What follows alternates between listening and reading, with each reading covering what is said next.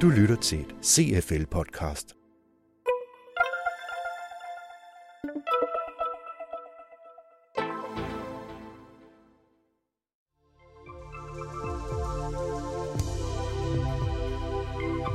Hvis det er et lovforslag, der skal skrives for eksempel, så er der jo ingen tvivl om, at vores juridiske afdeling er langt de bedste til at skrive det lovforslag, men det er ikke sikkert, at det er de bedste til at få ideen til det gode øh, ændring i lovforslaget. Det kan komme fra en sekretær, det kan komme fra øh, ham, der slår jeres græs. Det kan udmærket komme fra, fra helt andre øh, områder i organisationen.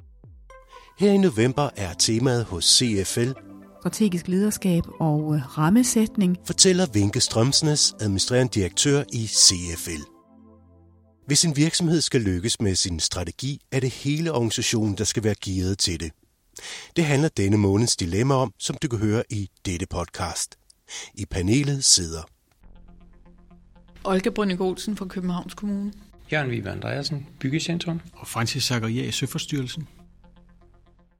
Tre topledere og et dilemma. Og dilemmaet lyder. Du leder af en virksomhed, hvor du har skabt nogle rammer, du selv synes passer til det strategiske fokus for virksomheden. Produktudvikling og intern dialog fungerer fint, og du kan se, at medarbejderne trives inden for rammerne. Men du ønsker nu på sigt at åbne op for mere kundefokus og dialog i virksomheden, og også skabe en innovationskultur, der kan finde sted i andre afdelinger end i produktudvikling. Derfor bliver du nødt til at ændre på de eksisterende rammer. Hvordan gør du? Og hvordan sikrer du, at de nye rammer samtidig bliver så elastiske, at de kan ændres til noget helt tredje, hvis det skulle blive nødvendigt på et tidspunkt? Vi har i, i, i mange år, øh, jeg tror de sidste 6-8 år, arbejdet med at fjerne øh, nulfejlskulturen. Vi har faktisk haft en, en, øh, en målsætning om, at alle ledere og medarbejdere, alle skulle begå mindst to fejl om året. Øh, og det har faktisk betydet, at, folk er meget risikovillige, øh, og det er hele vejen i organisationen. Altså det er helt ud til ham, der går og slår græsset ude på kløvermarken, øh, og til den administrerende direktør. Og det betyder egentlig, at vi, vi indførte for øh, et par år siden en, øh, nu kaldte vi den ikke innovationspris, men initiativpris. Og det vælter ind fra alle mulige typer medarbejdere med rigtig gode forslag hver år, når vi skal, vi har lige siddet øh, i panelet i år øh, med 28 forslag, rigtig, rigtig gode forslag fra hele organisationen. Øh, og det tror jeg er, fordi vi har arbejdet helt målrettet med at fjerne den der nulfejlskultur. Øh, du kan ikke indføre en innovationskultur på en øh, på, på den korte bane. Altså du, du bliver nødt til at afsætte den tid og de ressourcer, der skal til for at flytte det rundt. Fordi øh, du skal du skal skifte fra, at det er nogle få personer, der er innovative, til at det skal gennemsyre øh, hele organisationen. Hvis det bliver topstyret, så får du ikke, så får du ikke noget ud af det. Topstyret og kort, øh, og uden at man i og for sig har et billede af kulturen, så, vil du, så skal du være mere end heldig, hvis du får noget ud af det. Jeg er så meget på linje med det, vi hørte før, det er, at det er faktisk en uddannelse. Altså man kan, der, er nogle, der er nogle værktøjer, man simpelthen kan, kan indføre, og det handler meget om det, øh, du også sagde, at øh, for eksempel det her med at først gøre sig meget, meget klart, hvad er det for et problem, man gerne vil løse. Den, den tid, man bruger til, til den øh, analyse, der er rigtig, rigtig vigtig. Ikke? Og så er det jo super vigtigt, øh, som du også var inde på, at man ikke straks, fordi sådan er vi jo opdraget, at man straks prøver at løse det problem øh, med de øh, fagressourcer, man nu råder over. Hvis det er et lovforslag, der skal skrives for eksempel, så er der jo ingen tvivl om, at vores juridiske afdeling er langt de bedste til at skrive det lovforslag, men det er ikke sikkert, at det er de bedste til at få ideen til det gode øh, ændring i lovforslaget. Det kan komme fra en sekretær, det kan komme fra ham, der slår jeres græs. Det kan udmærket komme fra, fra helt andre øh, områder i organisationen, og det kan være øh, meget, meget svært for en gammeldags tænkende virksomhed at komme ind på de baner der, men det kan være rigtig, rigtig nyttigt. Altså der er nogen per definition, der er mere innovativ, og nogen, der er mindre innovativ. Og du bliver nødt til at erkende, at øh, altså, du kan ikke få organisationen 100% med på det her. Der vil være nogen, som du måske ikke skal bruge så meget krudt på, som du så, øh, han har sagt, må, må sørge for, at de har de rette driftsopgaver eller noget andet, som, som ikke øh, kræver så meget kundedialog, eller hvad der er. For den slags op, masser af opgaver findes der jo også. Og så fokusere på, på, på de øh, medarbejdere, som, øh, som altså både dem, der er med på alt nyt, der kommer, og så den næste, måske den allervigtigste, de 50 procent, som, som kigger på, hvad de andre gør, og så, og så kommer med, som plejer billedet jo klassisk være. Og så ikke, så må du øh, sige, okay, der, der er så 20 procent selv i solidariteten, selv i navn, som ikke kommer med, men så sørg for, at de har de rigtige opgaver i forhold til, til den kultur, som øh, du skal lægge ind.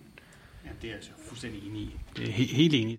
Tre topledere og et dilemma.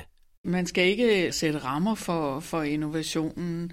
Altså, og så kan man kalde det innovation eller initiativ eller ændrede arbejdsopgaver, men øh, jeg har faktisk været ret forbavset over, at det er jo lige fra specialarbejderen til akademikeren, der tænker nyt og tænker sine arbejdsopgaver. Altså, vi havde en specialarbejder nede i, i den hvide kødby. Øh, der er en masse gange under kødbyen, og der er hele kødbyen bliver kølet med ammoniak. Og det kan jo være øh, farligt. Øh, og man kan ikke have elektriske ventilatorer nede i, i de der gange. Så havde vi en specialarbejder, der sad på en ferie på Kreta og opdagede en ventilator, der var vinddreven over på et hus. Og det gik han så hjem og, og fik lavet. Altså, det er jo, øh, jeg, jeg er enormt imponeret af medarbejdere, der hver gang de møder et eller andet problem, reflekterer, hvordan kan jeg, hvordan kan jeg løse det. Øh, altså hele den der tillidsbaserede øh, tilgang, tror jeg er ekstremt vigtig. Altså hvis vi taler om, at du ikke kan uddanne i øh, øh, innovation, det er jeg enig i, så mener jeg, at her kan du altså lave meget mere træning og uddannelse, og det kan være sidemandsoplæringer, i en forståelse for, hvor vigtig øh, kunden er i forhold til, til det, vi skal lave. Så, så, så der, der, der, der skal der være et struktureret uddannelses-, trænings-, sidemandsoplæring's, eller hvad det jo skal være, øh, øh, forhold for alle dem, som under en eller anden form kommer i berøring med kunder. For der er jo også nogen, der ikke gør det, og, og der skal man altså ikke spille sit krudt på.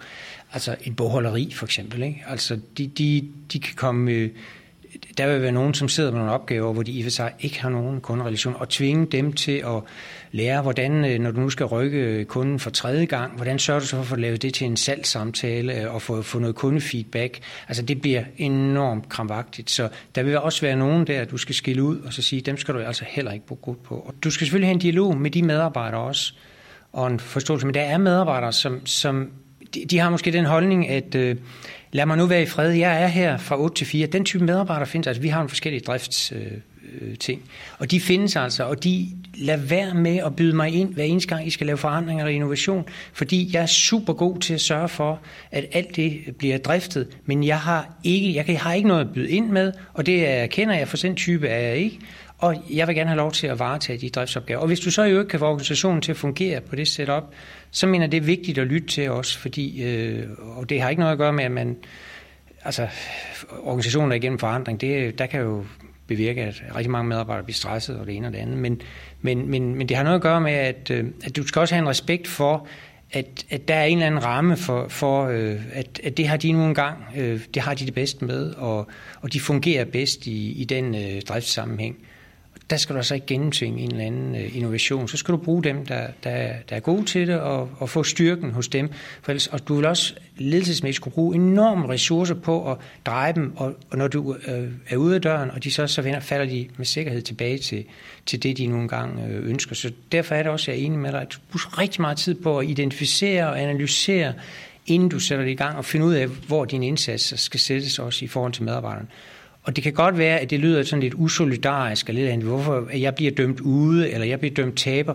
Men, men det er jo et spørgsmål om, om du kommunikerer det og forklarer det, fordi det er jo ikke noget med, at de innovative, eller dem, der sidder i produktudviklingsafdelingen, er bedre end dem, der sidder og supporterer, eller tager telefonen, eller hvad, øh, drifts et eller andet, sidder i køkken, eller hvad man jo ikke kan være. Jeg kender udmærket ham, du taler om, men, men jeg er alligevel heller ikke helt enig, fordi jeg tror, det er samtidig fordi, man får talt for meget om det der innovation. Det, det bliver for meget. Altså. Det, det, det gode er, hvis det indlejres i virksomheden, så det er bare en helt naturlig del af det, fordi den type, du taler om der, de må simpelthen ikke gå fri, fordi det er dem, der ved noget om, hvad det er, der sker. Og det er dem, der har de gode idéer. De ved det bare ikke selv. Det, du kan ikke lave en innovationsafdeling, fordi de kan sidde der, de, de får ikke de rigtige idéer. Det skal ud til ham der, den kedelige bogholder, der har siddet med det hver dag. Det er ham, der får den gode idé til, hvordan det regneark lige kan ændres på en eller anden måde. Sådan så han ved det bare ikke selv, men han skal narres ind i det, tror jeg. så det drejer sig også meget om at, at strukturere arbejdet her, men, men det kan laves struktureret. Og det findes der en masse værktøjer til at gøre. Men, men for mig gælder det også om at invitere kunden ind, uanset om det er en kunde eller en borger. Øh, nu er det jo meget øh, op i tiden at tale co-creation og samskabelse, men det giver jo faktisk en enorm værdi at invitere dem. Vi gør det med borgerne, vi inviterer dem med ind. De er med til at lave kulturelle aktiviteter, de er med til at udvikle hjemmesider. Det er dem, der skal bruge en hjemmeside. Vi inviterer dem ind, laver en konkurrence. Hvem kan komme med nogle gode idéer til, hvordan vi kan udvikle vores hjemmeside? Øh, Øh, og det synes jeg, vi har ekstremt øh, stor nytte af, og der er altid nogen, der byder ind. Og der er rigtig mange, der øh, gerne vil være med til at udvikle øh, nye kulturaktiviteter på den ene eller den anden måde. Så hele den der proces, og jeg er da enig i, det medarbejderne skal uddannes i, og, og i den samskabelse, fordi det er jo det at arbejde med frivillige eller borgere eller kunder, det kræver jo, at man øh, er klar over, hvad er det for nogle roller, vi hver især har. Men øh, jeg tror, vi kan blive langt, langt bedre til at invitere borgere og kunder med ind og, og være med til at udvikle noget, fordi det er jo for dem, vi skaber et produkt.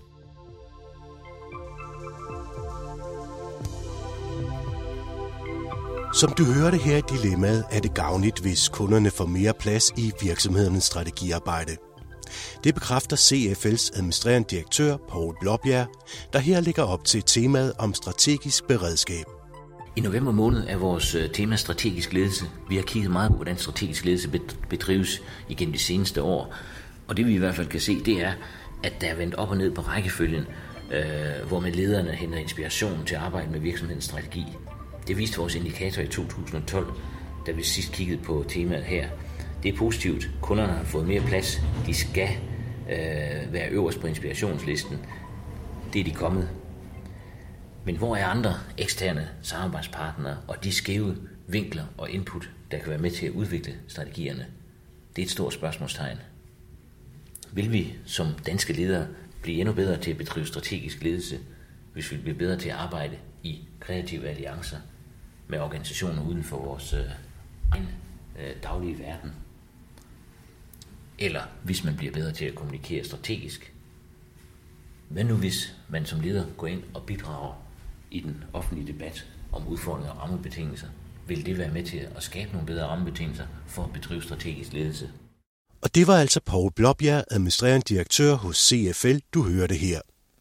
Vi skal også nævne, at to af paneldeltagerne, siden vi optog dilemmadebatten, har skiftet arbejde – Francis Zakaria er blevet generalsekretær hos IALA i Paris, og Olger Olsen er nu pensioneret.